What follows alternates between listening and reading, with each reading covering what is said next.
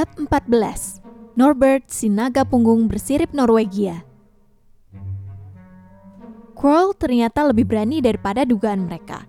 Dalam minggu-minggu berikutnya, memang dia tampak lebih pucat dan lebih kurus, tetapi kelihatannya belum menyerah. Setiap kali melewati koridor lantai tiga, Harry, Ron, dan Hermione menempelkan telinga ke pintu untuk mengecek apakah Fluffy masih mengeram di dalam.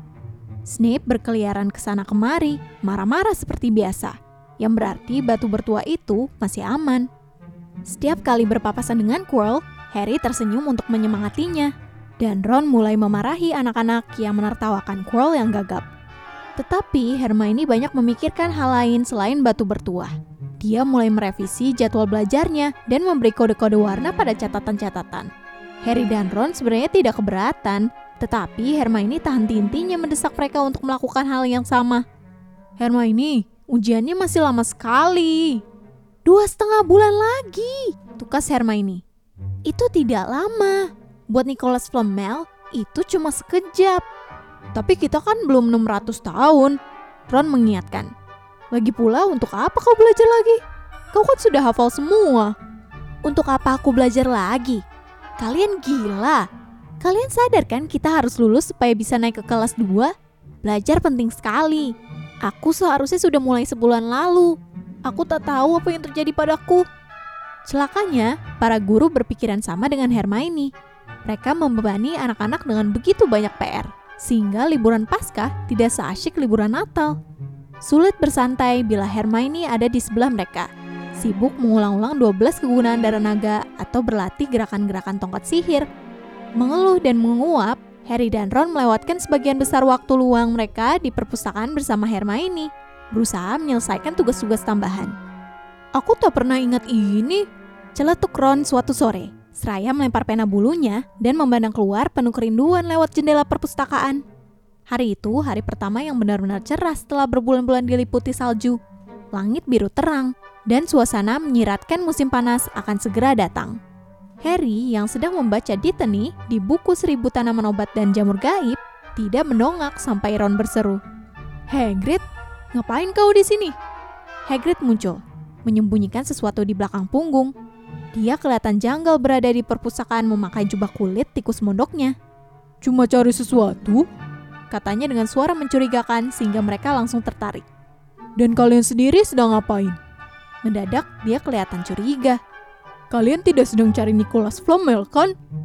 Oh, kami sudah lama tahu siapa dia. Kata Ron mengesankan. Dan kami tahu apa yang dijaga anjing itu. Batu ber... Shh. Hagrid cepat-cepat memandang berkeliling untuk melihat apakah ada yang mendengar. Jangan teriak-teriak soal itu. Kau ini kenapa sih? Ada yang ingin kami tanyakan kepadamu sebetulnya, kata Harry. Yaitu, apa saja yang menjaga batu itu selain Fluffy? Shh, kata Hagrid lagi. Dengar, datang temui aku nanti. Aku tidak janji mau kasih tahu apa-apa, tapi jangan buka rahasia di sini. Murid tidak boleh tahu. Mereka akan kira aku beritahu kalian. Sampai ketemu nanti kalau begitu, kata Harry. Hagrid keluar perpustakaan. Apa yang disembunyikan di belakang punggung? Tanya Hermione berpikir-pikir. Apa mungkin ada hubungannya dengan batu itu? Aku mau tahu dia tadi ada di seksi buku apa? Kata Ron, yang sudah bosan belajar. Semenit kemudian, dia muncul lagi membawa setumpuk buku yang diempaskan ke meja. Naga, bisiknya. Hagrid mencari informasi tentang naga. Lihat ini. Spesies naga di Britania Raya dan Irlandia, dari telur ke neraka, penuntun pemelihara naga. Sudah lama Hagrid kepingin punya naga. Dia bilang begitu kepadaku waktu pertama kali aku bertemu dia, kata Harry. Tapi itu melanggar undang-undang, kata Ron. Penangkaran naga sudah dilarang oleh konvensi sihir tahun 1709. Semua orang tahu itu. Susah menjaga agar Muggle tidak mengetahui keberadaan kita jika kita memelihara naga di halaman belakang. Lagi pula, kau tidak bisa menjinakkan naga. Bahaya. Coba kalau kalian bisa melihat luka bakar Charlie gara-gara naga liar di Romania. Jadi tidak ada naga liar di Britania? Tanya Harry. Tentu saja ada, kata Ron. Naga hijau Wales yang biasa dan naga hitam Hebridean. Kementerian sihir cukup repot menyembunyikan mereka. orang-orang kita harus terus-menerus menyihir magel yang pernah melihatnya untuk membuat mereka melupakannya. Kalau begitu, apa yang sedang dilakukan Hagrid? Ketika mengetuk pintu pondok si pengawas binatang liar satu jam kemudian, mereka heran melihat semua gorden tertutup. Hagrid berseru, Siapa itu? Sebelum mempersilahkan mereka masuk dan cepat-cepat menutup pintu kembali. Di dalam panas sekali. Meskipun udara hangat, di perapian api menyala-nyala. Hagrid membuatkan teh dan menawari mereka sandwich musang yang mereka tolak. Nah, kalian mau tanya sesuatu? Ya, jawab Harry tak ada gunanya berbelit-belit. Kami ingin tahu, apakah kau bisa memberitahu kami apa saja yang menjaga batu bertuah selain Fluffy? Hagrid mengerutkan kening ke arah Harry. Tentu saja tidak bisa, katanya. Pertama, aku sendiri tidak tahu. Kedua, kalian sudah tahu terlalu banyak. Jadi aku tak akan beritahu kalian kalaupun aku bisa. Batu itu di sini untuk alasan baik. Batu itu nyaris dicuri dari Gringotts. Kurasa kalian sudah simpulkan ini. Aku tak mengerti bagaimana kalian bisa tahu tentang Fluffy. Oh, ayolah Hagrid. Kau mungkin tak ingin memberitahu kami, tetapi kau sebetulnya tahu segalanya yang terjadi di sini. Kata Hermione dengan suara hangat memuji. Janggut Hagrid bergerak-gerak dan mereka bisa menebak dia sedang tersenyum. Kami cuma ingin tahu siapa yang menjaga. Itu saja. Hermione melanjutkan. Kami penasaran siapa yang cukup dipercaya Dumbledore untuk membantunya, selain kau. Dada Hagrid membusung mendengarkan kalimat terakhir Hermione. Harry dan Ron tersenyum kepada Hermione. Ya, kurasa tidak ada bahayanya aku beritahu kalian bahwa... Begini, dia pinjam Fluffy dariku. Kemudian beberapa guru lakukan penyihiran. Profesor Sprout, Profesor Flitwick, Profesor McGonagall. Ditekuknya jarinya satu demi satu. Profesor Quirrell dan Dumbledore sendiri lakukan sesuatu tentu saja. Sebentar, aku lupa satu orang. Oh iya, Profesor Snape. Snape? Ya, kalian sudah tidak curigai dia lagi kan? Snape bantu jaga. Dia tidak akan curi batu itu. Harry tahu Ron dan Hermione berpikiran sama seperti dia. Jika Snape termasuk yang menjaga batu, pastilah mudah baginya untuk mencari tahu bagaimana guru-guru yang lain menjaganya. Dia mungkin tahu segalanya, kecuali tampaknya mantra Quirrell dan cara melewati Fluffy. Kau satu-satunya yang tahu bagaimana melewati Fluffy kan Hagrid? Tanya Harry cemas. Dan kau tidak akan bilang siapa-siapa kan? Bahkan kepada salah satu guru pun? Tak ada yang tahu kecuali aku dan Dumbledore, kata Hagrid bangga. Untunglah, gumam Harry kepada yang lain. Hagrid, boleh tidak jendelanya dibuka satu? Aku kepanasan. Tidak bisa, Harry. Sorry, kata Hagrid. Harry memperhatikan Hagrid mengerling ke perapian. Harry juga memandang ke sana. Hagrid, apa itu? Tetapi dia sudah tahu apa itu. Persis di tengah api, di bawah ketel, ada telur hitam besar sekali. Oh, kata Hagrid dengan gelisah memilin-milin janggut. Itu, eh, uh, dari mana kau dapat itu Hagrid? Kata Ron berjongkok di depan perapian untuk melihat telur itu dari dekat. Pasti mahal sekali harganya. Menang main, kata Hagrid. Semalam, aku minum ke desa, lalu main kartu dengan orang asing. Kurasa dia senang bisa lepas dari telur itu. Benar loh. Tapi apa yang akan kau lakukan kalau telurnya menetas? Tanya Hermione.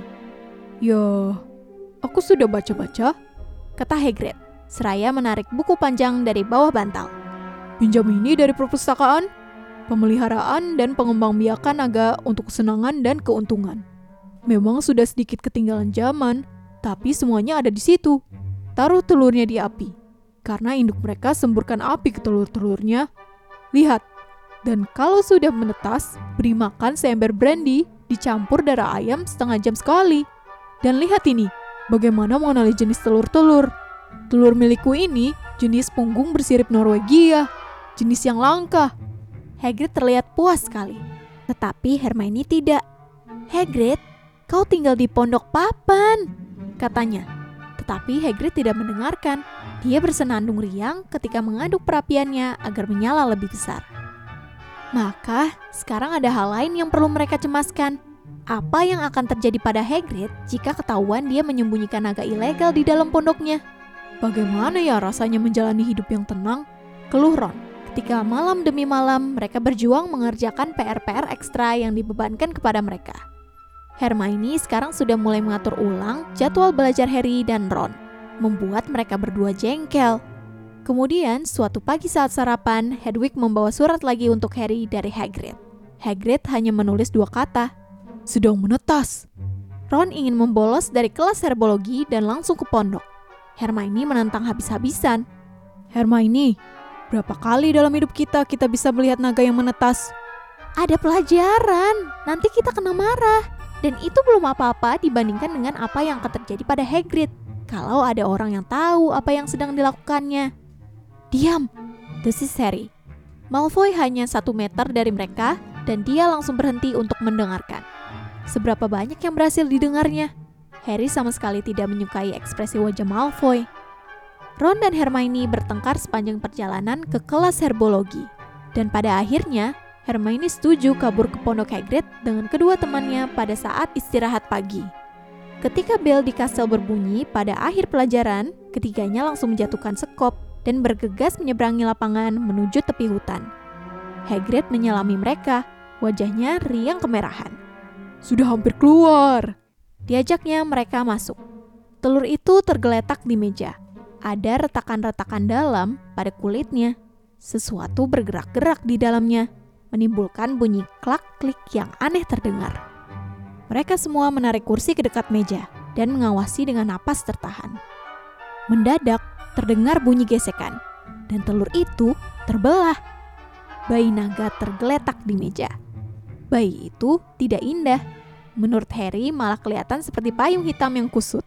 Sayapnya tampak sangat besar dibandingkan tubuhnya yang masih kurus, dan moncongnya panjang dengan dua lubang hidung besar, dua tanduk kecil, dan mata jingga yang menonjol.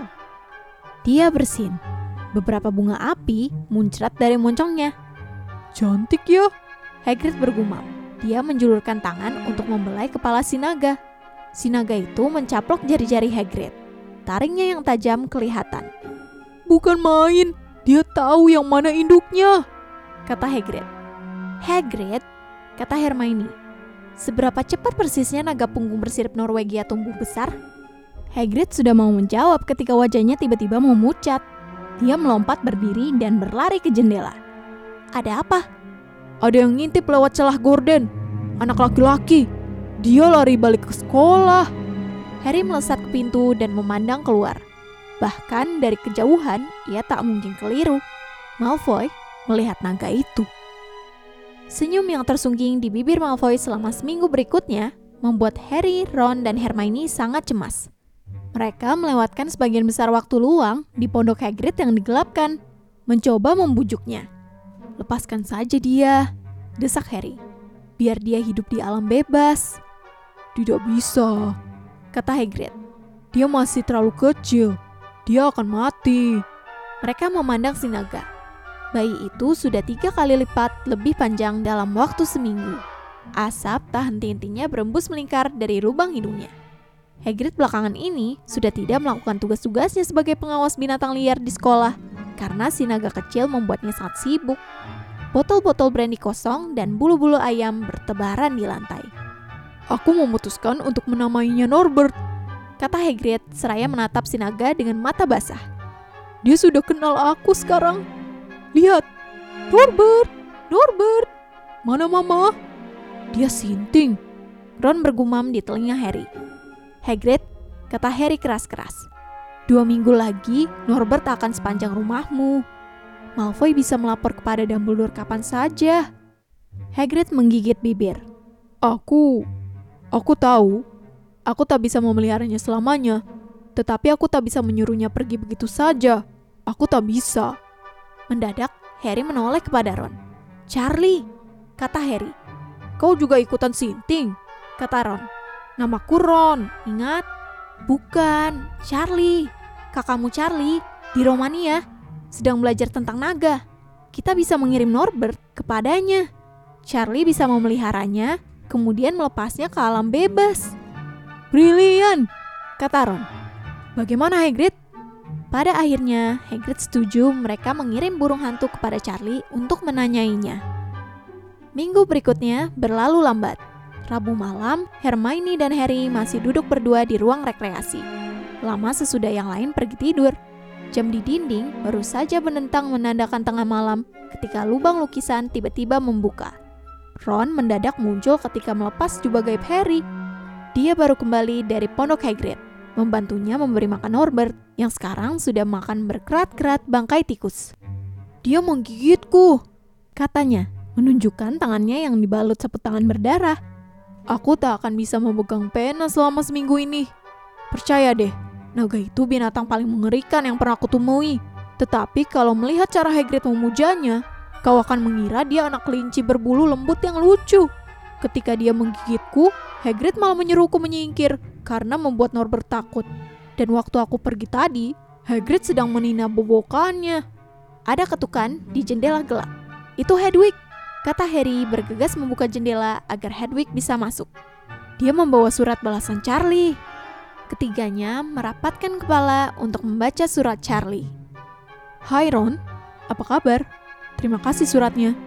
Aku senang-senang saja menerima punggung bersirip Norwegia itu, tetapi tidak mudah membawanya ke sini.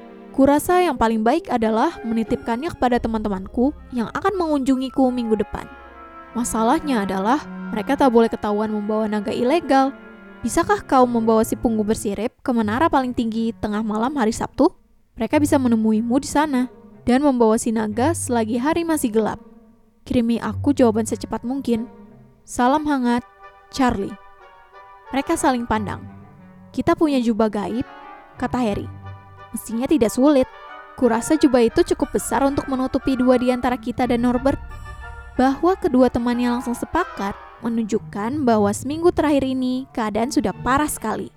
Mereka bersedia melakukan apa saja untuk menyingkirkan Norbert dan Malfoy. Ada rintangan.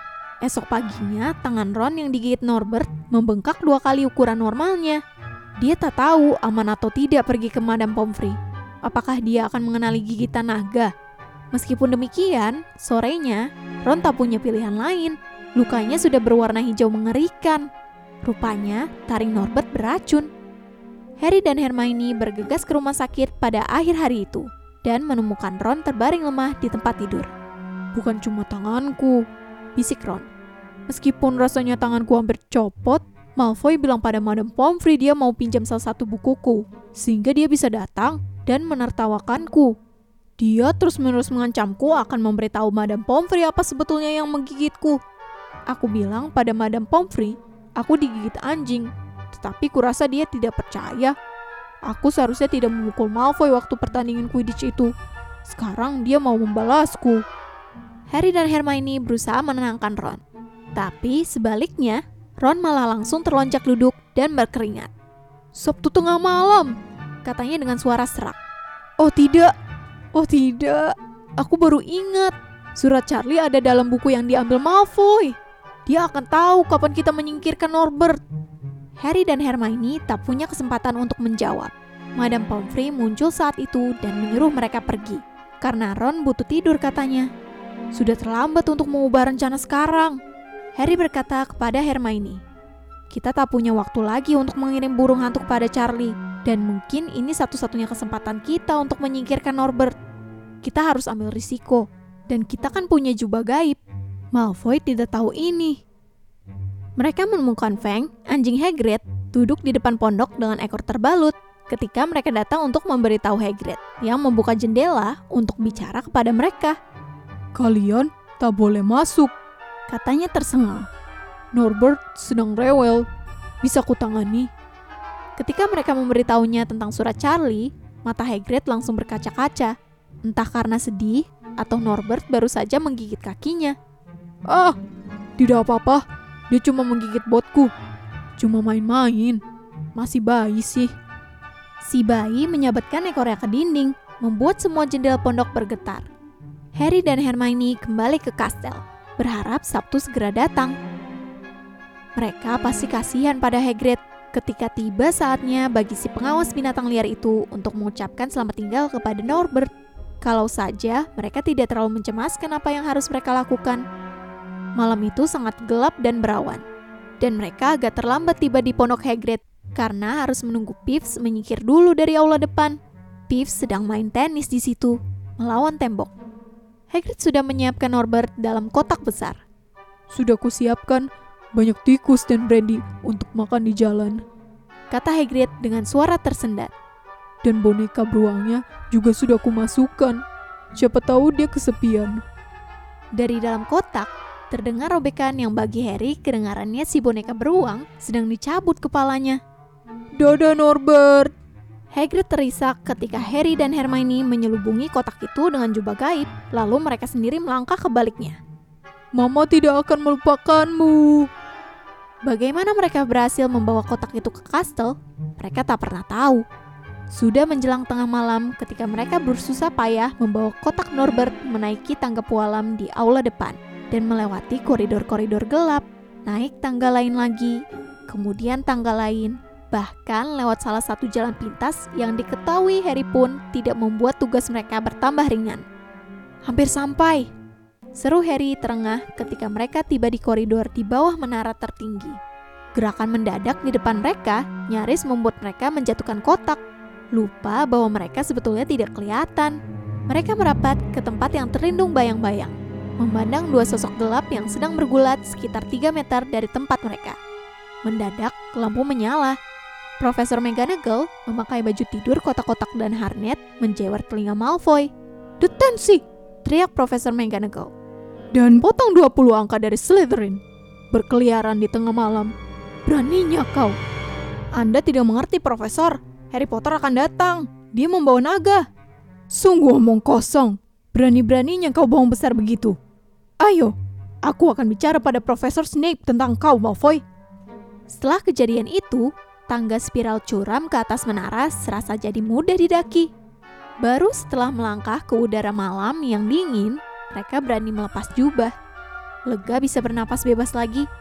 Hermione menari-nari. Malfoy dihukum kurung. Mau nyanyi aku rasanya. Jangan. Harry menasihatinya. Sambil menertawakan Malfoy, mereka menunggu. Norbert mengibas-ibas di dalam kotak. Kira-kira 10 menit kemudian, empat sapu meluncur turun dari kegelapan. Teman-teman Charlie, anak-anak periang, mereka menunjukkan kepada Harry dan Hermione jaring yang telah mereka buat, supaya mereka bisa bekerja sama mengangkat Norbert.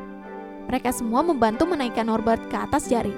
Kemudian, Harry dan Hermione berjabat tangan dengan keempatnya dan mengucapkan banyak terima kasih kepada mereka. Akhirnya, Norbert berangkat, pergi, lenyap.